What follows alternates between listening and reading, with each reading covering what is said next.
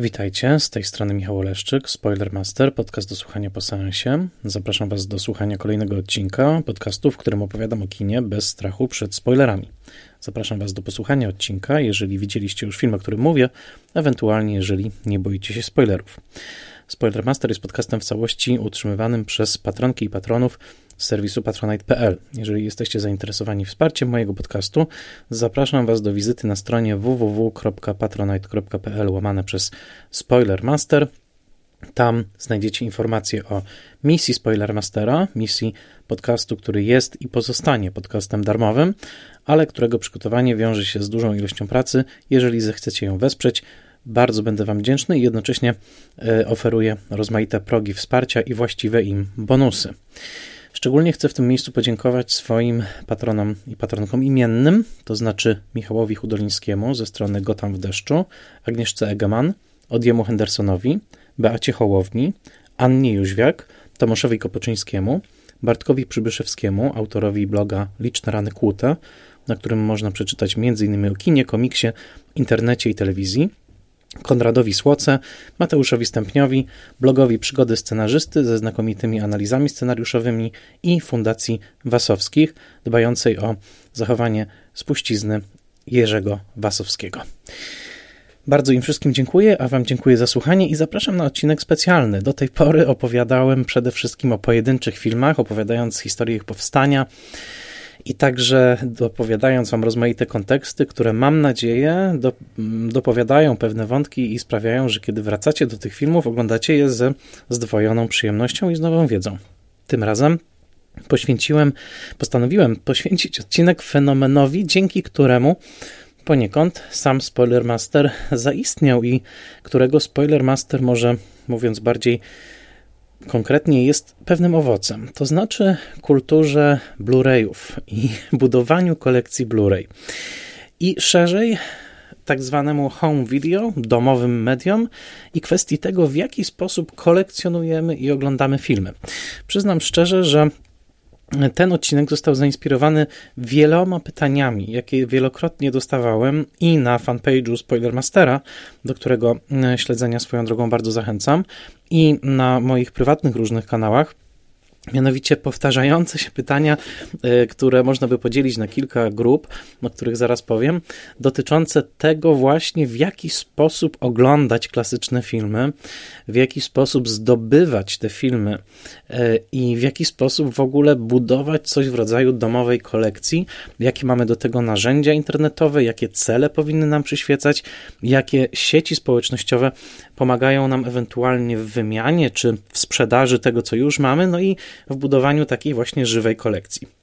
Pomyślałem sobie, że rzeczywiście może być to dobry temat na odcinek, bo ilekroć dostanę takie pytanie w przyszłości, będę po prostu odsyłał do tego odcinka. Postaram się tutaj zawrzeć no, takie doświadczenia kolekcjonera krążków, e, które już ma no, no niemalże, niemalże ćwierć wieku, dlatego że e, pierwszy mój zakupiony e, Blu-ray, przepraszam, zakupione DVD, jeżeli dobrze liczę, to były okolice roku 2000 albo może nawet odrobinkę wcześniej.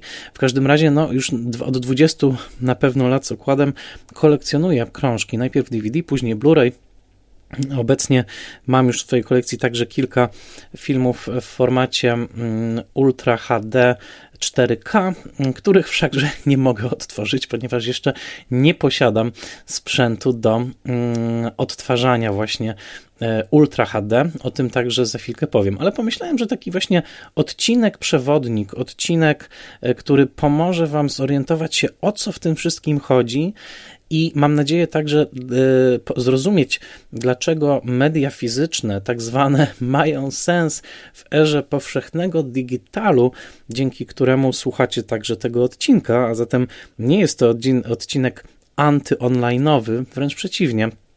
Powiem dzisiaj także wiele ciepłych słów o dystrybucji online'owej, ale bardzo chciałbym Was zachęcić, a wiem, że wszyscy, jak słuchacie tego podcastu, jesteście fankami i fanami kina, jesteście kinomankami i kinomanami, chciałbym Was zachęcić do tego, że jeżeli kino nie jest Wam obojętne, żebyście y, zaczęli tworzyć przynajmniej niewielką na początek kolekcję Blu-rayów, dlatego że mam głębokie przekonanie i nie jest ono tylko poparte moją, nazwijmy to, konserwatywną postawą, ale także wieloma rozmowami z specjalistami z tej branży filmowej i także z branży dystrybucyjnej, że krążki Blu-rayowe zostaną z nami na trochę i wbrew temu triumfowi online'u, którego chociażby w ostatnich czasach, w ostatnich miesiącach pandemicznych byliśmy niewątpliwymi świadkami, to jednak mimo tego triumfu tak jak trochę winyl, chociaż z innych powodów, Blu-ray z nami zostanie i dzisiaj chciałbym Wam powiedzieć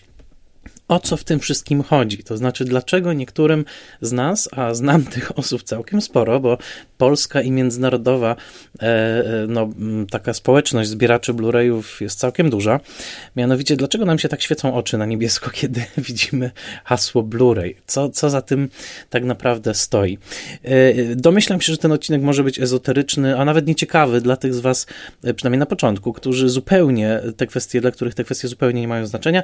Mimo to dajcie mnie, dajcie sobie szansę, posłuchajcie tego odcinka. Postaram się, żeby nie był tak długi, jak zazwyczaj te odcinki są, ale chciałbym po prostu coś w tym odcinku ważnego dla mnie i dla wielu, wielu, wielu ludzi na świecie, kolekcjonerów Blu-rayów jest bardzo ważne. A zatem. Podzieliłem sobie tą wypowiedź na kilka punktów. Zacznę na, od początku, oczywiście, yy, od kwestii po co. Kwestii po co. Po co nam Blu-ray? Zacznę od tego, że ja jestem dzieckiem epoki home video. Tak, jestem dzieciakiem epoki VHS-ów. Jeżeli słyszycie jakieś hałasy w tle, to dlatego, że nagrywam ten odcinek w pewien szczególny wieczór, kiedy moi sąsiedzi z góry postanowili zaszaleć. Nie wiem, co dokładnie, jaki rodzaj imprezy się tam odbywa. Na pewno jest to jakaś forma korona party, ale jeżeli słyszycie jakieś krzyki w tle, to najmocniej was za to przepraszam, ale nigdy jeszcze takiej imprezy tam nie było. E, jeśli przekroczą 23, to e, zainterweniuję. Natomiast w międzyczasie być może będziecie mieli jakąś e, drugą ścieżkę dźwiękową w tle. Słuchajcie, po co? Po co Blu-ray? Y, po co w ogóle home video? Jestem dzieckiem epoki VHS-u i nigdy nie zapomnę pierwszego magnetowidu, jaki widziałem w życiu. Nigdy nie zapomnę pierwszego odtwarzacza wideo, bo kiedyś były odtwarzacze wideo, które nie miały funkcji nagrywania. No, to, to zmieniło całkowicie moje życie, to mm, zdominowało moją pasję filmową, kolekcjonowanie filmów na VHS-ach, nagrywanie ich z telewizji kolekcjonowanie kaset y, i, i, i także y, wymienianie się kasetami, kupowanie kaset, to wszystko przynależy do mojej formacji, tak, jako, jako, jako kinomana, jako kogoś, dla kogo bardzo ważne było, żeby film nie tylko obejrzeć, ale jeżeli ten film jest dla mnie ważny, żeby go także w jakiejś formie posiadać.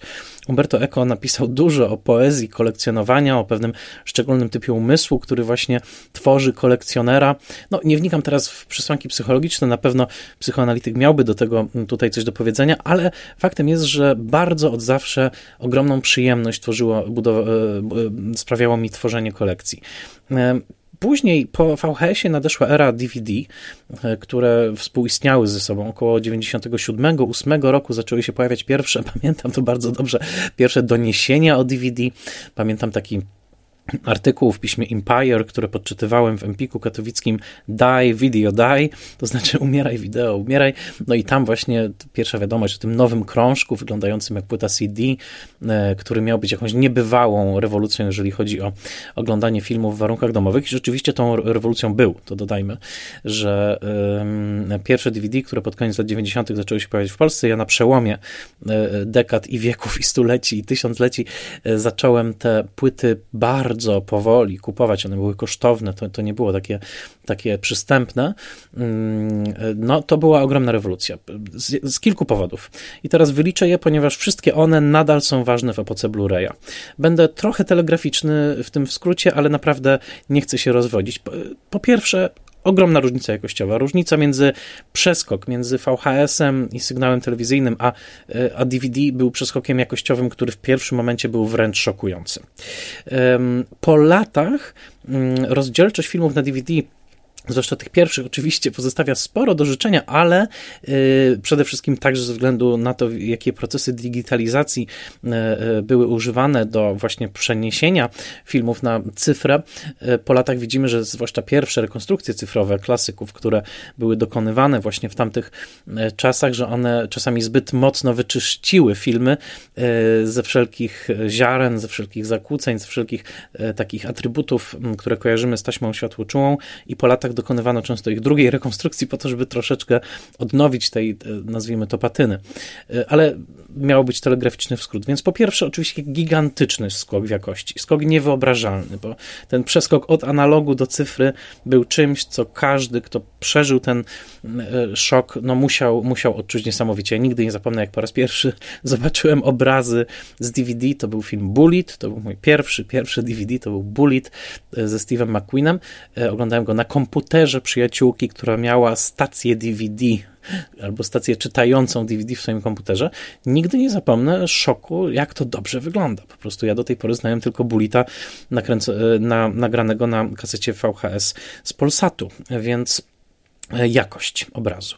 Po drugie, wolność wyboru ścieżki dźwiękowej. Wiem, że dla wielu widzów i słuchaczy urodzonych po roku 2000 może się to wydać oczywiste, że wybieramy sobie, czy oglądamy z napisami, czy z lektorem, czy bez lektora i napisów. To była ogromna ewolucja. Możliwość ingerencji w to, w jakiej formie oglądamy ten film, z jaką ścieżką dźwiękową, wyłączenie lektora, przejście na napisy, ogromna wolność, także niewyobrażalna w epoce analogu, a zatem innymi słowy nowy dostęp do takiej auralnej, do dźwiękowej warstwy filmu, zupełnie nowy, że nie wspomnę o świetnej jakości dźwięku, o polepszającej się ciągle jakości dźwięku.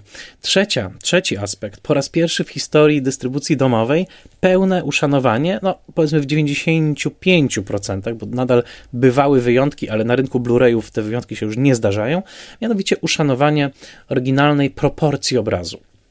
E, mianowicie tego, czy film był nakręcony e, na wąskim ekranie, w tak zwanym academic ratio, czyli takim, takiej proporcji obrazu, w którym e, stosunek szerokości do wysokości ekranu ma się tak jak 1,33 do 1. To wszystko może brzmieć bardzo technicznie, ale po prostu przekłada się to na szerokość prostokąta, na którym oglądamy, aż po filmy panoramiczne, czyli w charakterystycznej kaszecie 2,35 do 1. No, powiem tak bardzo skrótowo, żeby się nie rozwodzić. Różnica pomiędzy Idą, filmem bardzo wąskim, a chociażby, no nie wiem, Gladiatorem, tak, filmem nakręconym e, na taśmie panoramicznej. Do pewnego momentu byliśmy przyzwyczajeni do tego, że we wszelkich analogowych sygnałach telewizyjnych, e, kopiach emisyjnych, telewizyjnych, po prostu brutalnie przycinano filmy panoramiczne, a nawet filmy e, w takim standardowym już obecnie formacie 16 na 9, czyli takim, jaki kojarzymy z szerokoekranowych telewizorów, po prostu przycinano jej do tego prostokąta klasycznego kinoskopowego telewizora, co było brutalną ingerencją, często w urodę wizualną tych filmów i myślę, że jest to ingerencja, która nasz całe szczęście po tych wszystkich latach dla współczesnych, młodych kinomanów byłaby wręcz nie nie do wyobrażenia. To znaczy nie wiem, czy młodzi zaakceptowaliby to, że film nakręcony, no nie wiem, w wspaniałym właśnie na szerokim ekranie, jak chociażby, no powiedzmy, nieoszlifowane diamenty braci Savdich, oglądają, oglądaliby go na swoim ekranie telewizyjnym, przycięty po bokach tak, że e, właściwie prawie połowa obrazu jest utracona. No, myśmy w tak te filmy oglądali, więc znowu, e, rewolucja DVD była rewolucją uszanowania formatu i jednocześnie coraz to większej, rosnącej świadomości konsumenckiej, świadomości widzów w tym, w, jaki, w jakiej obróbce poddawane są obrazy, które oglądamy i takie, do, taka dążność do uszanowania wizji oryginalnej, czyli tego właśnie, żeby to był film z napisami, film w odpowiednim formacie obrazu, film odpowiedniej jakości. No innymi słowy, zaczęła się wykształcać taka koneserska, konsumencka e, świadomość. Oczywiście ja mówię tutaj z perspektywy kogoś, kto urodził się w 1982 roku i jako świadomy i, i powoli, powoli zyskujący moc nabywczą konsument rozpoczynał swoje przygody no, w połowie lat 90., tak? Natomiast nawet nie wspominam w tym odcinku o wideodyskach, które były wcześniej, jeszcze w latach 80., i które dla mnie, takie, takie dyski wideo wielkości w zasadzie płyty gramofonowej, to już jest taka zaprzeszłość, taka prehistoria, o której wiem tylko z opowieści moich starszych kolegów. Widziałem parę wideodysków, ale pamiętajmy, że no, to pierwsze marzenie o tym, żeby filmy oglądać w warunkach kina domowego możliwie jak najdoskonalszej jakości, e, jednocześnie które nie polegałoby na projekcji z takich komercyjnych kopii filmów na 8 czy 16 mm, bo to też jest historia domowej dystrybucji, no to, to były właśnie wideodyski. Natomiast po tym jak DVD nastąpił przełom około roku 2003 e, w Polsce, mianowicie do pewnego momentu DVD były raczej kosztownym, raczej elitarnym, zdecydowanie koneserskim e, nośnikiem. E, takim, który w Empiku miał dosyć niewielką półeczkę i no, tylko wyłącznie zainteresowani e, i skłonni poruszać się po tej bardzo wąziutkiej e, wówczas ofercie mogli się na to pokusić. Natomiast przełom nastąpił około roku 2003, dokładnie z publikacją gazety telewizyjnej, nie pamiętam teraz dokładnie dnia, czyli dodatku do Gazety Wyborczej w piątek, to był któryś piątek, właśnie bodajże 2003, jeśli się nie mylę, cztery, e, chyba trzy, e, mianowicie publikacja dodatku do gazety. Dodatek do gazety, czyli coś, co zalało wówczas nasz rynek. Każda gazeta dodawała film. Wówczas to był film Być jak John Malkowicz, a już wkrótce nie dość, że każda gazeta miała jakiś dodatek. No, wszyscy zaczęli kupować właśnie odtwarzacze i później już te filmy oderwane od gazet, one zresztą do dzisiaj krążą po rozmaitych e, bazarkach, targach i tak dalej. Mm, i jeszcze są skupywane przez takich koneserów nawet w tej epoce, mm, epoce cyfry i e, e, online'u. E, ale od tamtego czasu rzeczywiście to był boom DVD. Powoli wypożyczalnie wideo zmieniły się całkowicie na wypożyczalnie DVD. Wiele z nich trzymało się bardzo długo. Beverly Hills na przykład, czy moja ukochana krakowska wypożyczalnia Piracik na ulicy Lea. No i właściwie funkcjonowały właśnie jako wypożyczalnie płyt DVD. Natomiast jednocześnie oczywiście cały czas kwitł, czy rodził się kolekcjonerski rynek, taki, gdzie no nie chodziło o wypożyczenie, ale o posiadanie filmu na DVD. No i tutaj powoli robię, robię skrót, mianowicie mm, koniec pierwszej dekady XXI wieku to jest moment, kiedy pojawia się na dobre już mm, format Blu-ray, czyli format taki, w którym cyfrowy zapis odbywa się za pomocą błękitnego lasera i płyta osiąga bardzo duże mm, e, e, no, wyniki, jeżeli chodzi o pamięć, od jednowarstwowej liczącej sobie 25 GB do nawet kilkuwarstwowych, które potem już specjalistycznie liczyły sobie chyba tych gigabajtów king ale tak czy siak e, koniec końców polega to na tym, że pojawia się nowy format na rynku i są ogromne nadzieje z nim związane, mianowicie format ma e, ewidentnie lepszą jakość niż DVD. E, pamiętam, że kiedy tylko usłyszałem o Blu-rayu, pomyślałem sobie, no po co, przecież DVD już jest doskonałe, tak, że nie może być nic lepszego niż DVD. No, jak tylko zobaczyłem pierwszy raz Blu-raya, Zrozumiałem, na czym polega różnica. Rzeczywiście y, jakość obrazu HD no, i też projekcja na dużym telewizorze, bo to między innymi coraz to większe rozmiary ekranów telewizyjnych sprawiały, że DVD ujawniało swoje ograniczenia, jeśli chodzi o rozdzielczość. No i tutaj nie było żadnej konkurencji. No, bez Blu-raya w zasadzie można było nawet wyświetlić film na mm, ekranie kinowym, może nie jakimś gigantycznym, bo wtedy już ujawniały się niedoskonałości, ale na takiej średniej wielkości, no po prostu film był znakomitej jakości. W międzyczasie udoskonalono także techniki digitalizacji filmów, innymi słowy, te odnawiane arcydzieła po latach nie y, były odnawiane w szczególny sposób, to znaczy już takim koneserskim podejściem właśnie do zachowania pewnego ziarna, patyny. Chodziło między innymi, znaczy chodziło w wielkim skrócie o to, żeby włączając sobie Blu-raya mieć taką, taką, takie uczucie, że pomimo, że jesteśmy w świecie cyfry, to tak jakbyśmy oglądali film z taśmy 35 mm. I I teraz przechodzę do zasadniczej części tej odcinka. Otóż rynek Blu-ray w Polsce nigdy się nie zakorzenił e, na dobre, to znaczy nadal w mediamarktach różnych możemy znaleźć działy Blu-rayów, ale nie znajdziemy tam za bardzo klasyki, z wyjątkiem po poszczególnych tytułów z bibliotek wielkich studiów i wytwórni, firm dystrybucyjnych, czasami Warner rzuci jakąś serię klasyków, ale ogólnie rzecz biorąc, wchodząc do Mediamarktu czy jakiegokolwiek innego Saturna, no nie znajdziemy, nie będziemy mogli przebierać w tych Blu-rayach. Natomiast oczywiście zbawieniem jest internet, zbawieniem jest Amazon, Amazon amerykański, Amazon brytyjski. I teraz wchodzę już w świat kolekcjonerstwa. To znaczy, powiem tak. Pierwsza rzecz w punktach. Dlaczego nośniki fizyczne są ważne nawet w epoce online? Dlatego, że paradoksalnie, ale online, przy wszystkich swoich wspaniałych zaletach, przy błyskawicznym dostępie do filmów, przy, przy ogromnym rotacji, wielkiej ilości tytułów i przy rosnących bibliotekach także filmów klasycznych, Zauważcie, że online nadal, zwłaszcza z punktu widzenia kraju takiego jak Polska, jest dosyć ubogi w filmową klasykę i to nawet klasykę polską.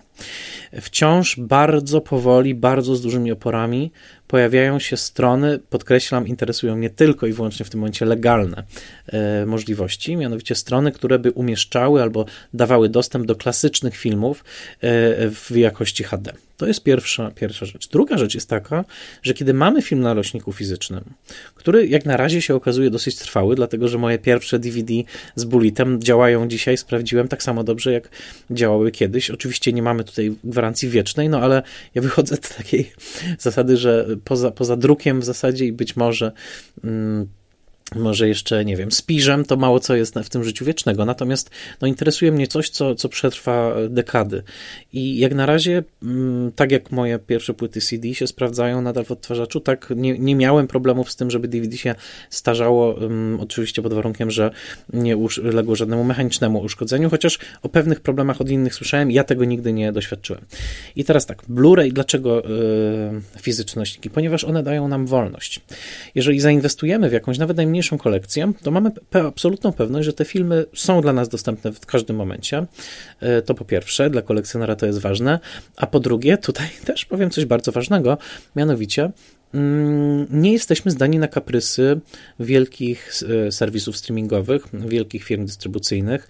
E, obecnie mam wrażenie, że też już także na kaprysy o charakterze quasi-cenzorskim, ponieważ pamiętajmy, że film, który obecny jest na platformie cyfrowej, teraz opatrywany jest e, oczywiście często komentarzem jakimś historycznym i tak dalej, ale nie ma żadnych gwarancji, że w pewnym momencie te filmy albo nie znikną z tej platformy, albo że nie ulegną jakiejś zmianie nie, nie uleg, że nie będzie jakiejś ingerencji w materiał, czy to w warstwę dźwiękową, czy obrazową. Tego po prostu nie wiemy. Wiemy tyle, że żyjemy w czasie, w którym coraz to większe kontrowersje wokół filmów klasycznych i coraz to większy, zwłaszcza w Stanach, lęk przed rozmaitymi e, procesami sądowymi prowokuje do rozmaitych zmian w już istniejących filmach. No, dość powiedzieć o planowanych zmianach wycięcia Donalda Trumpa z filmu e, Kevin Sam w domu 2.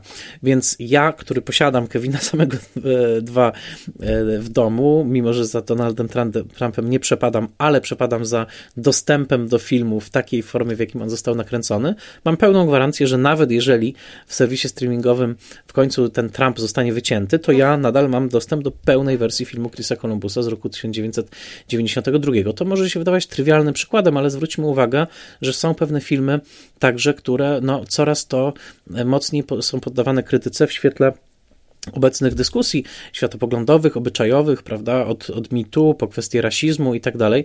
I, jakby nie, w ogóle nie anulując ważności tych kwestii, jednocześnie pewne tytuły coraz to jakby trudniej dystrybuować, no i coraz też e, jakby e, trudniej je e, pokazywać w kinach. Dość powiedzieć, że najnowszy film Polańskiego, czyli Oficer i Szpieg w ogóle nie doczekał się premiery kinowej amerykańskiej i to nie dlatego, że była pandemia, tylko dlatego, że kontrowersja emocje wokół reżysera te były tak duże, że po prostu nie znalazła się firma dystrybucyjna do tego filmu. No i będzie to dotykało retrospektywnie bardzo wielu filmów i teraz niezależnie co, od tego, co o nich myślimy, to one są częst, częścią historii kina, więc czy to mówimy o mm, kontrowersyjnych i, i często haniebnych elementach filmów, takich jak chociażby Narodziny Narodu Griffisa, czy o filmach kontrowersyjnych obyczajowo, takich jak e, chociażby Ostatnie Tango w Paryżu Bertolucciego, czy wiele innych. E, myślę, że już wkrótce czeka nas rodzaj backlashu, jeśli chodzi o śmierć w Wenecji e, Lukina Viscontiego. Już wyczuwam ten, tę wzbierającą falę, zwłaszcza kiedy odbędzie się premiera poświęcona życiorysowi Bjorna Andersona, który zagrał e, Tadzia e, w, w, tym filmie, więc już, już czuję, że ten film za chwilkę też będzie na, na takim celowniku. E, podkreślam, jestem bardzo za tym, żeby mówić o tych wszystkich rzeczach, ale nie jestem za tym, żeby retroaktywnie cenzurować historię kina, bo uważam, że dostęp do tych dzieł powinien być. Więc o tyle jestem spokojny, że chociażby Śmierć w Wenecji mam na dobrym Blu-rayu Criteriona, już zaraz wyjaśnię, co to Criterion, i to jest jeden z wielkich takich ważnych punktów, mianowicie jeżeli ja mam film na nośniku fizycznym, to mam ogromną pewność jeżeli ta płyta nie zostanie zniszczona, jeżeli mnie się nic nie stanie, jeśli będę miał sprzęt odtwarzający, to po prostu będę miał do tego filmu dostęp i, że tak powiem, wara od tego filmu. To jest mój film, tak? I to jest istotne. Myślę, że będzie to coraz bardziej istotne w miarę tego, jak będzie zmieniała się nasza kultura online'owa i też jakby, e, jakby w jaki będzie fluktuowało pojęcie liberalizmu i tak dalej, i tak dalej.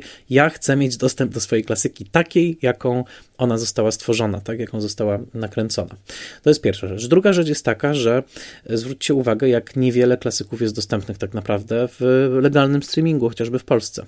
Co prawda niektórzy ratują się VPN-ami, czyli takimi no, specjalnymi nakładkami na komputer, które pozwalają logować się w rozmaitych punktach globu i dzięki temu zakładać konta w rozmaitych serwisach streamingowych, takich jak chociażby The Criterion Channel, które pozwalają na dostęp do ogromnych bibliotek świetnie yy, odrestaurowanych filmów, no ale jednak po pierwsze, a Legalność jest tutaj pod znakiem zapytania, a po drugie, znowu, gdzie jest gwarancja, że film, który kochamy, e, ten konkretny film A, B czy C, w takiej bibliotece Criteriona, czy w bibliotece Netflixa, czy w bibliotece Mubi e, e, pozostanie? Nie mamy żadnej gwarancji. Być może licencje wygasną i po prostu tego filmu nie będzie i on znowu wpadnie w pewien odmęt, tak? Więc po pierwsze, pewność, po drugie, mm, pe, znaczy pewność posiadania tego filmu, możliwości odwołania się do niego w każdym momencie możliwości podzielenia się też nim poprzez czy to wypożyczenie przyjaciołom, czy obejrzenie wspólne. To wszystko jest bezcenne.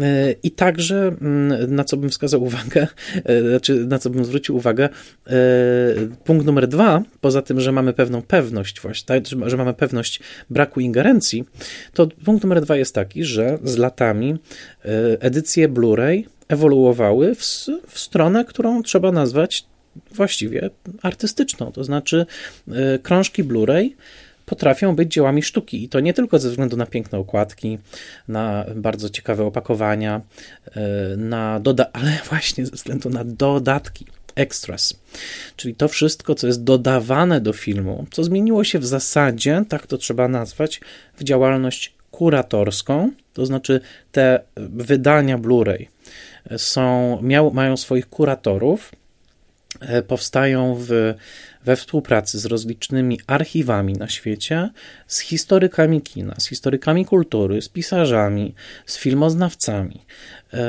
ze świetnymi grafikami i najlepsze wydania Blu-ray a wciąż na pierwszym miejscu pozostaje amerykański Criterion Collection, którego korzenie swoją drogą sięgają jeszcze tego świata właśnie wideodysków z lat 80., e, ale który potem wspaniale ewoluował, ewoluował w każdym odcinku podcastu, w którym muszę wypowiedzieć to słowo, zawsze mam z nim problem.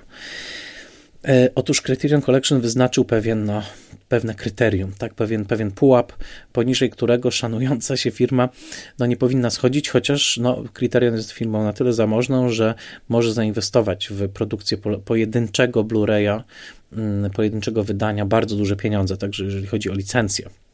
I także jeżeli chodzi o poziom produkcyjny dodatków. E, pamiętajmy, że te dodatki to, jest, to potrafią być wywiady z twórcami kręcone współcześnie, ale to potrafią też być wywiady archiwalne z twórcami, wydobywane z archiwów telewizyjnych, z rozmaitych filmotek. To potrafią być tworzone współcześnie wideo eseje poświęcone danemu aspektowi kina, to filmu. E, to może być komentarz, komentarz audio, sztuka w zasadzie e, oddzielna nagrywania komentarza audio, który jest rodzajem wykładu, jest po prostu rodzajem wykładu, quasi podcastu być może, w którym albo twórcy e, komentują na żywo oglądany po latach film, dzieląc się z nami anegdotkami, historykami z planu, albo filmoznawcy komentują formę artystyczną tego filmu, często dostarczając fantastycznych materiałów archiwalnych i posiłkując się znowu bardzo starannie przebranymi materiałami. A zatem takie idealne wydanie Blu-ray, powiedzmy na przykład Criteriona, to jest um, wydanie filmu w znakomitej jakości, często w kilku wersjach, w takich jakich ten film krążył, historycznie udokumentowanych.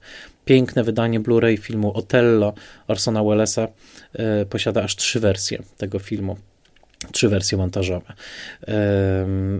Wydanie chociażby filmu Pan Arkadin, także ULS-a, także posiada kilka wersji montażowych. Tak? To są niesłychanie ciekawe też możliwości do porównań i do badań, albo do nagrywania odcinków podcastu, kiedy to e, badacz, podcaster, taki jak na przykład ten, którego słuchacie teraz, zagłębia się w historię danego filmu, w różne wersje, po to, żeby opowiedzieć, po to, żeby przybliżyć właśnie historię powstania, czy historię zmian, także jakim film był poddawany. A zatem to jest kolejny, mm, kolejny aspekt. Idealne wydanie Blu-ray często e, zawiera także materiały poświęcone konkretnym aspektom dzieła, scenografii, kostiumom, muzyce, temu wszystkiemu, co składa się razem na pewną artystyczną wizję i do takiego idealnego, idealnego wydania często dołączona jest książeczka. W książeczce znajdują się przedruki materiałów źródłowych, wywiadów, recenzji, które powstawały w momencie, kiedy film powstawał, e, albo także nowo napisanych, nowo zleconych esejów e, wybitnych autorów. Innymi słowy, wrócę do słowa kurator.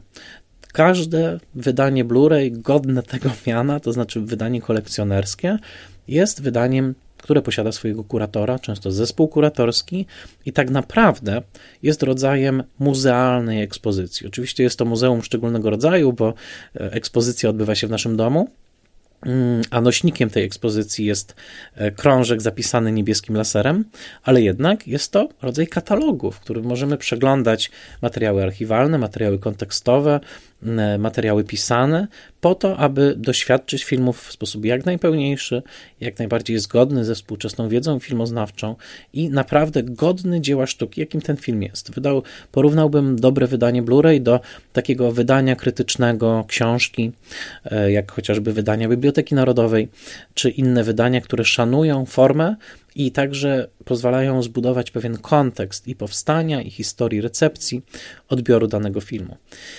I teraz najlepsze wydania to oczywiście Criterion Collection. To jest amerykańska firma, e, która wyznaczyła, tak mówię, pewien standard, ale tych firm, które z latami wykształciły e, pewien, pewien swój styl prezentacji Blu-rayowej jest wiele. Nie będę wymieniał ich wszystkich. E, powiem tylko o Arrow Films, które ma taki pod, poddział Arrow Academy e, i Arrow Video.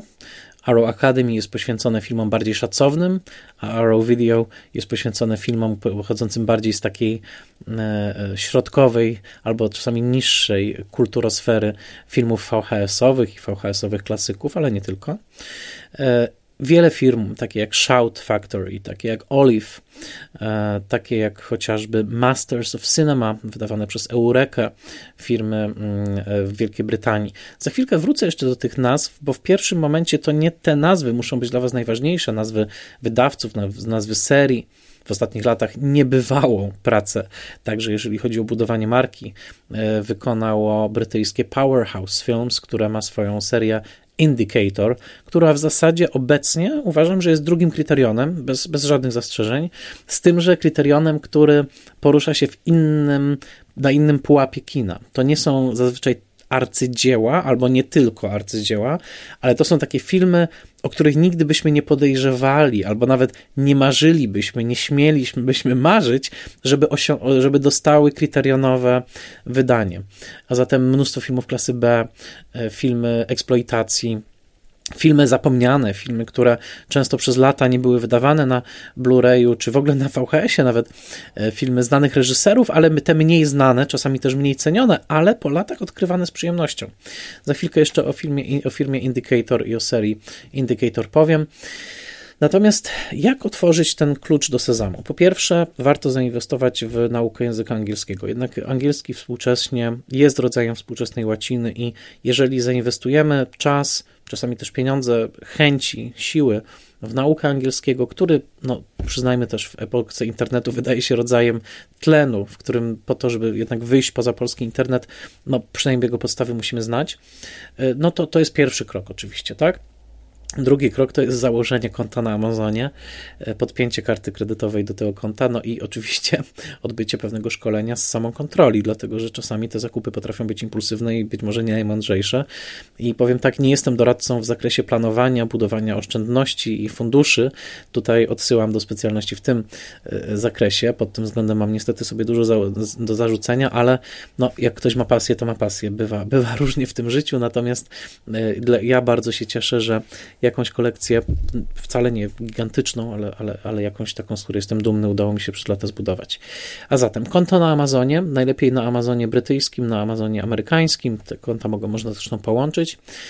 I teraz bardzo ważna, kluczowa sprawa, i o to często mnie dużo osób pyta, i teraz raz na zawsze odpowiadam, ponieważ od tej pory będę to już zawsze wysyłał link do tego odcinka i nie będę zawsze wstukiwał tych długich odpowiedzi. Potrzebny jest odtwarzacz Blu-ray ale potrzebny jest odtwarzacz Blu-ray, który będzie odtwarzaczem multiregionalnym. Nie wchodzę teraz w kwestię odtwarzania płyt Ultra Blu-ray HD 4K, e, tym bardziej, że ja sam nie mam takiego odtwarzacza. Te odtwarzacze, powiem tak, jeżeli ktoś chce odtwarzać te płyty, trzeba mieć do tego zdatny odtwarzacz, więc wtedy, jeżeli szukacie odtwarzacza, to jest ważne. Natomiast ja teraz się poruszam na poziomie klasycznego Blu-raya, który na ten moment w zupełności mi wystarcza. Zobaczymy, co będzie w przyszłości. Natomiast króciutki wstęp. W celach zapobiegania piractwu i oczywiście w celach no, jakby zarządzania globalnego, e, Blu-raye, tak jak zresztą DVD, tylko że w trochę inny sposób, zostały podzielone na strefy regionalne. Są trzy kody, trzy kody regionalne, Teraz tak, weźmiecie Blu-raya do ręki, odwracacie okładkę i patrzycie zazwyczaj na dole, po tylnej stronie okładki, macie jedną z trzech literek. A, B albo C. Czasami macie wszystkie te trzy literki razem i to jest bardzo dobra wiadomość. Ale już wyjaśniam o co chodzi. A, B i C są to tak zwane kody regionalne. E, I tutaj świat jest podzielony, to jest bardzo, bardzo oczywiste. Wystarczy zajrzeć na dowolne e, e, bazy danych dotyczące Blu-rayów. Nie będę tego w całości streszczał, ale powiem najważniejsze fakty. My, Polska, jesteśmy w regionie B, ponieważ cała Europa bez Rosji, Białorusi, Ukrainy, a także mm, Afryka, Australia, Nowa Zelandia, jesteśmy w regionie B. Ameryka, w zasadzie obydwie Ameryki, są w regionie A, tak? czyli Ameryka Północna, Kanada, Stany Zjednoczone, no i cała Ameryka jest, i zresztą też Azja Południowo-Wschodnia jest w mm, regionie A. Region C, najbardziej z naszego punktu widzenia rynkowego, e, egzotyczny, to są Indie, Indie, Bangladesz, Nepal, Chiny, Pakistan, ale też Rosja, Ukraina, Białoruś są właśnie w e, regionie, e, w regionie C. I teraz, jeżeli z tyłu płyty Blu-ray jest napisane, że ABC, to znaczy, że płyta ogólnie będzie odtworzona przez każdy odtwarzacz. Natomiast jeżeli kupujecie zwykły odtwarzacz Blu-ray w polskim sklepie, takim jak Saturn, takim jak MediaMarkt, to ten odtwarzacz Blu-ray jest zakodowany w regionie B i powiem tak, nie udało mi się nigdy przestawić odtwarzacza zakodowanego w regionie B na region a. Udawały mi się takie sztuczki z e, odtwarzaczami DVD, ale nigdy mi się to nie udało z regionem B. Przy, e, przy, przy z Blu-rayem. Jeżeli pamiętam takie sztuczki, to znajdowało się w internecie, także na pilocie trzeba było nacisnąć tam 1, 2, 3 play i nagle rzeczywiście można było przestawić odtwarzacz DVD na, e, na inny region, czyli mm, na region pierwszy, e, bo to był region amerykański. Natomiast jest to o wiele trudniejsze w przypadku Blu-raya. I teraz podstawowe zdanie, chyba powinienem je wytłuścić w ogóle w reklamie tego odcinka. Jeżeli chcecie wejść na serio w mm, e, Blu-rayowy świat, powinniście mieć odtwarzacz multiregionalny, czyli tak zwany odtwarzacz region free. E, taki odtwarzacz, dla którego nie będzie miało żadnego znaczenia, jakiego, e, jakiego e, regionu płytę Blu-ray do niego włożycie. Więc tak, jeżeli chcecie kupić taki odtwarzacz, wchodzicie na eBaya i wpisujecie mm, Blu-ray Player Region Free. Pilnujecie bardzo, żeby na pewno było potwierdzenie na eBayu, że ten odtwarzacz odtwarza płyty z regionu A, i B i C. Trzeba się wczytać w te opisy i możecie sobie taki e, odtwarzacz zamówić. E, ceny się wahają od 600 do 1000 zł. Jest to, oczywiście są na pewno też droższe. Na pewno, natomiast firmy Panasonic można kupić spokojnie za 600-700 taki nowy, podkreślam, bo odtwarzacz, e, bo używane są wiele tańsze. I teraz to jest wasza przepustka, tak naprawdę. Ten multiregionalny odtwarzacz to jest wasza przepustka do świata Blu-rayów międzynarodowych. I kupować Blu-raye polecam przede wszystkim używane, e, dlatego że na Amazonie, na eBayu, na Amazonie amerykańskim, czyli Amazon.com, na Amazonie brytyjskim, amazon.co.uk, na eBayu, także na Allegro polskim możecie często znaleźć używane Blu-raye, na przykład z Criterion Collection z regionu A po całkiem okazyjnych cenach. Polecam takie strony jak przede wszystkim DVD Beaver. DVD Beaver to jest strona E, dosłownie bubr DVD, na której obecnie już się pisze w zasadzie tylko wyłącznie o Blu-rayach, bo też poważne wydawnictwa już nie, nie wydają w ogóle nic na DVD, e, zwłaszcza z klasyki, e, więc zupełnie odwrotnie niż w Polsce, chociaż w Polsce to już zupełnie inna historia też. Mm, więc wtedy możecie zacząć szukać, możecie zacząć kupować te pierwsze wydania i tak dalej. Krótki przewodnik. Najważniejsze, co trzeba pamiętać, Criterion jest amerykański, ale ma swoje wcielenie brytyjskie. I teraz trzeba spojrzeć, albo kupujecie z amerykańskiego e, Amazona amerykańskie e, Blu-raye Criteriona, albo wchodzicie na Amazona brytyjskiego i sprawdzacie, czy istnieje analogiczne wydanie w regionie B, bo możecie też kupić sobie w regionie B, z tym, że obecnie, tak jak Criterion ma około 1200 filmów wydanych w swojej kolekcji, tak o, tylko mniej więcej, no chyba pomiędzy setką i dwustoma jest wydane także w regionie B. E, także to jest jedna dziesiąta zaledwie tej kolekcji. Jest dostępna e, także na dyskach zakodowanych w regionie B, więc ja po prostu bym doradzał, żeby poruszać się tutaj pomiędzy tymi światami i e, no, komponować swoją kolekcję tak, żeby po prostu kierować się najlepszą możliwą ceną. Masters of Cinema, czyli Eureka, to jest region B, bo to jest Wielka Brytania, czyli także nam przyjazny. Indicator, czyli Powerhouse Films, to jest region B, bo to Wielka Brytania. E, takie firmy jak Olive, czy Shout Factory, czy Flickr Alley to są wszystko firmy amerykańskie, ale niektóre z nich, takie jak chociażby Flickr Alley, który wydaje filmy przede wszystkim nieme, bardzo wczesnych epoki kina, e, często te filmy są, e, nie są w ogóle kodowane. Te dyski nie są kodowane w ogóle, wtedy jest po prostu kod ABC i nie ma tutaj żadnego żadnego problemu. Spróbujcie się zorientować w katalogu Criterion Collection. Wystarczy wejść na stronę Criterion Collection i zobaczyć ten katalog. E, spróbujcie zobaczyć na DVD Beaver, jakie nowe płyty się szykują. E, bardzo polecam Wam śledzenie profili facebookowych i fanpage'y poszczególnych dystrybutorów, takich jak właśnie Indicator, Masters of Cinema, e, czy właśnie Criterion Collection, Olive Films, Shout Factory, Flickr Alley i wiele, wiele, wiele innych, a także nieocenione Warner Brother Archive, które zrewolucjonizowało już rewolucyjny rynek Blu-rayów i DVD w momencie, kiedy zaczęło wydawać bardzo krótkie serie, ewentualnie wręcz wypalane na życzenie płytki z filmami, które do tej pory nigdy nie były dostępne na żadnym nośniku i po prostu sobie kurzyły się w archiwach Warner Brothers. E, niebywała kolekcja, nie najtańsza niestety, chociaż niektóre filmy już spadły cenowo. Ja szczerze mówiąc, obok Criteriona, mimo że wydania Warner Brothers nie obfitują w, w dodatki, ale za to podziwiam ich nieprawdopodobnie, także za podcast, który wydają Warner Brother Archive, ale to jest prawdziwe stąpienie do głębi i czeluści archiwów. To znaczy to, co wychodzi na płytkach Warner Brother Archive przez dekady często nie widziało światła projektora, a jest obecnie wydawane w rewelacyjnej jakości. To są rzeczy niebywałe. To znaczy ja y, stosunkowo rzadko kupuję te płyty, bo po prostu no, budżet mi na to nie pozwala, żeby kupować ich dużo, ale jeżeli już je kupuję, to to jest uczta, dlatego że często są to filmy, które po prostu no, przez dekady były niedostępne i które, o których można było co najwyżej po, poczytać w jakich, jakichś archiwalnych recenzjach albo liczyć, że ktoś wrzuci ripa telewizyjnego na, na YouTube'a. Natomiast absolutnie, absolutnie e, Warner Brother Archive także, e, także polecam. No i reszta tej historii to już jest historia, że tak powiem, pewnego globalnego sklepu z cukierkami, połączonego z kwestią indywidualnego sumienia, umiejętności planowania, kooperacji z zaprzyjaźnionymi kinomanami i po prostu no, umiejętności wyważenia w tym życiu naszym doczesnym rozsądku zakupowego z pasją do sztuki. E, no, myślę, że niewielu z nas się przelewa, jeżeli chodzi zwłaszcza w tych czasach o kwestie finansowe, ale ja jestem przekonany, że budowanie takiej kolekcji, oczywiście mówię to jako kinoman, czyli jako ktoś, dla kogo historia kina jest niebywale ważna, e, potrafi sprawić ogromną frajdę.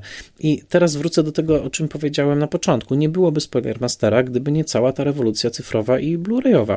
I nie chodzi mi tylko o to, że ja cyfrowo te odcinki umieszczam w sieci. Chodzi mi przede wszystkim o to, że e, ja uczyłem się kina w dużej mierze, mimo że jestem dyplomowanym filmoznawcą, ale tutaj nic nie ujmując moim studiom, które też powstawały w czasie, kiedy jeszcze ten rynek się dopiero rodził. Ja w większości mojej wiedzy filmowej nauczyłem się już dzięki tej rewolucji cyfrowej. To znaczy dzięki temu, że zacząłem oglądać niebywale, wręcz religijnie te dodatki, e, podczytywać rzeczy, które dzięki tym dodatkom, o których także się dowiedziałem, i rodzaj studiowania kina, jaki zapewnia dobrze przygotowana edycja Blu-ray i odpowiedni budżet na to przeznaczony i odpowiedni czas na to przeznaczony, dlatego że czasami te dodatki to są długie, długie godziny dodatków. Powiem tak, to jest lepsze niż studia filmoznawcze. To znaczy, ten poziom zagłębienia się w dzieło daje każdemu z Was, także tym, którzy nie studiowali filmoznawstwa, nie, nie planują w ogóle tego robić, nie planowali, daje Wam możliwość zanurzenia się w takie niuanse, dotarcia do takich archiwów, które jeszcze 20-30 lat temu były zarezerwowane tylko dla bardzo wąskiego i ezoterycznego grona badaczy, filmoznawców, archiwistów. To jest ta największa rewolucja, która sprawia, że jeżeli jesteście w stanie zainwestować tą określoną ilość pieniędzy i okreś znaleźć określoną ilość czasu na zgłębianie waszej pasji poprzez te znakomite wydania, oczywiście w połączeniu z materiałami online, z podcastami, e, ze stronami internetowymi, to każdy z Was może być filmoznawcą i historykiem kina. No, dla mnie osoba, która poświęca czas na to, żeby i środki, i, pieniądze, żeby chociażby kupić wydanie Akiry Kurosały Siedmiu Samurajów, jedno z legendarnych wydań Criterion Collection, które ma niebywałe dodatki i która poświęca godziny oglądając te dodatki, często notując, e, często jakby no, ucząc się tak naprawdę o tym kinie, to jest najlepszy typ filmoznawcy możliwy. Do tego niepotrzebny jest e, żaden dyplom. Po prostu jest, żyjemy w czasie, w którym dostęp do ogromnej ilości wiedzy jest całkowicie darmowy, albo oczywiście za cenę posiadania łącza internetowego, bo to, to nigdy nie jest do końca darmowe, albo jeżeli udaje nam się tak zarządzać naszymi środkami, jeżeli je posiadamy, to y, można uzyskać także y, dostęp do znakomicie zachowanych, odrestaurowanych, opracowanych filmów w znakomitych edycjach, które sprawiają, że ja dzisiaj w roku 2021, sięgając chociażby po Blu-raya z obywatelem Kane'em, czy po znakomitego Blu-raya z e, filmu, mm, którego niedawno tutaj mm, omawiałem, to znaczy e, filmu mm, Easy Rider, Swobodny Jeździec, to akurat był Blu-ray Criteriona. Mam dostęp do takiego rodzaju materiałów, opracowań, i źródłowych materiałów także, czyli wywiadów z samymi twórcami, często kręconymi na samych, na samych planach filmowych, który absolutnie był nie do pomyślenia na przykład w roku 2001 czy 2002, kiedy nie tylko kupowałem swojego pierwszego, e, swoje pierwsze płyty DVD, ale kiedy także studiowałem filmoznawstwo. Więc e, jesteśmy w trakcie absolutnej rewolucji wiedzy, jesteśmy w trakcie rewolucji także kooperacji, dlatego że tak jak mówię, nie trzeba kupować zawsze płyt Blu-ray, można także zbudować sieci przyjacielskie i społecznościowe, dzięki którym możemy wymieniać się płytami dzielić się. Ja mam zaprzyjaźnionych kinomanów, pozdrawiam ich serdecznie, wiedzą o których mówię, którzy mają cudowną także w swoim mieszkaniu półeczkę e, kryterionową i się czasami wymieniamy tymi, e, tymi płytami, ale naprawdę żyjemy w epoce tak cudownej pod tym być może jedynym względem, jeżeli chodzi właśnie o docenienie sztuki kina i o pewne uszanowanie tej sztuki i, i o takie tworzenie kolekcjonerskich wydań, że jest to naprawdę dla kogoś, kto po nocach polował kiedyś, żeby nagrywać na VHS-ach jakieś strzępy filmów w fatalnej jakości i tak świeciły mu się oczy, no to, to pod tym względem to jest naprawdę coś niesamowitego. I dla mnie niektóre wydania Blu-ray, takie jak chociażby wydanie Brytyjskiego Instytutu Filmowego, to też ważny wydawca na rynku europejskim, BFI, na przykład wydanie filmu Napoleona Blagansa w niebywałej rekonstrukcji, e, czy wydanie chociażby e, takich filmów jak jeden z moich ulubionych, czyli Błękitny Anioł Józefa von Sternberga, o którym tutaj mówiłem wam kiedyś, wydanie Masters of Cinema, czyli Eureki brytyjskiej, e, piękne wydanie Box Criteriona filmów Marlene Dietrich z Józefem von Sternbergiem, cudowne, więc to są takie małe radości. Tak jak mówię, oczywiście wszystko zależy, zależy od budżetu, ale także, tak jak mówię, są tutaj też możliwości wsparcia społecznościowego, wymiany, nawiązywania kontaktów i także śledzenia fanpage'y poświęconych właśnie tym kolekcjonerskim wydaniom. I naprawdę ja lubię być częścią tej społeczności, lubię być częścią społeczności ludzi, którzy zaglądają na stronę kryterionów w oczekiwaniu, które to tytuły ogłoszą, tak jak co miesiąc ogłaszają, że już tam za trzy miesiące kolejne tytuły dołączą do kolekcji. Lubię wchodzić na grupy, polecam też grupy facebookowe, chociażby Warner Brother Archive, gdzie ciągle rzucamy błagalne hasła do szefów tej serii. Na zasadzie błagamy, wydajcie to, wydajcie tamto, albo wręcz przygotowujemy fan art, czyli takie właśnie okładki już gotowe, już gotowe do wydania przez Warner Brother Archive, tylko wydajcie. Ja tam ostatnio rozpocząłem nitkę dotyczącą filmów 80 dni dookoła świata, mm, nagrodzonego Oscarem w 56 roku e, i tyle osób się dołączyło mówiąc tak, dokładnie, to jest to, o czym marzymy i dowiadujemy się też czasami, dlaczego to nie może być zrobione, dlaczego są na przykład rozmaite problemy prawne, które sprawiają, że na pewne utwory muzyczne chociażby już nie mogą być licencjonowane i tak dalej, ale powiem wam, że to jest dla mnie ogromna radość. Wchodzenie właśnie na te grupy, czy to Indicatora, czy Criteriona, to są grupy, do których łatwo się dostać, jeżeli tylko jest się kinomanem, wystarczy odpowiedzieć na parę pytań. To jest dla mnie takie przyjemne poczucie, tego, że, no, że jesteśmy jedną wspólnotą, że dla ludzi, którzy, e, których kino ukształtowało, dla których to jest po prostu ważna sztuka, dla których sztuka obrazu i dźwięku jest ważna, to takie właśnie dzielenie się także zdobyczami, czasami z błyskiem zazdrości, ale zawsze z dobrodusznym e, błyskiem zazdrości, bo rozumiemy typ szaleństwa, który, na, który nami kieruje. To jest coś pięknego i ja bardzo się cieszę. Ilekroć któryś z moich blu-rayowych znajomych wysyła mi zdjęcie z jakąś niebywałą zdobyczą, no to może jedna setna we mnie się odzywa zazdrości na zasadzie, o kurczę, też bym to chciał mieć, ale 99 setnych po prostu się cieszy z tego, że dla kogoś wydanie filmu ekspresjonistycznego niemieckiego może być powodem do radości, dla innego filmu klasy B grozy, dla jeszcze kogo innego, nie wiem, wydanie mm, jakiegoś kampowego klasyka z lat 70. w pięknej Blu-rayowej edycji może być świętem. A zatem wiem, że przemawiam teraz do bardzo wąskiej grupy i w imieniu wąskiej grupy, ale Cieszmy się, że jesteśmy w tej wąskiej grupie ludzi, dla których kino jest ważne. Zachęcam Was do tego, żeby stworzyć sobie taką małą, średnią, większą kolekcję Blu-rayów, żeby cieszyć się tymi filmami ze swoimi znajomymi, ze swoimi rodzinami, zagłębiać się w dodatki, oglądać je, szkolić sobie angielski też na tym i po prostu cieszyć się taką epoką kina, jakiej jeszcze nie było, kiedy historia kina żyje we wspaniałej wersji dostępnej coraz to bardziej poszerzanej właśnie na tych krążkach. I miejmy nadzieję, że kiedyś będzie taki świat, że te wszystkie filmy pod jednym klikiem będą dostępne, ale pamiętajmy, że zawsze e, jest też coś takiego jak urok kolekcji fizycznej jak urok kolekcji, która jest niezależna od tego, czy na przykład nam dzisiaj padnie internet, czy nie, czy mamy wolne łącze, czy szybkie, tylko właśnie urok podobny księgozbiorowi, płytotece, no i właśnie filmotece podręcznej, jaką może być wasza kolekcja Blu-ray. Na pewno nie dotknąłem w tym odcinku wszystkich kwestii, ale chciałem dotknąć tych najważniejszych, czyli sensu tworzenia kolekcji, podstawowej mechaniki tworzenia kolekcji. Chciałem wymienić te najważniejsze firmy, które się tym zajmują. No i cóż, mogę Was tylko namawiać do tego, żebyście spróbowali. Jest to coś warte czasu i warte jakiejś tam inwestycji. Jeśli jesteście kinomanami, to y, naprawdę do tego bardzo serdecznie, y, bardzo serdecznie namawiam.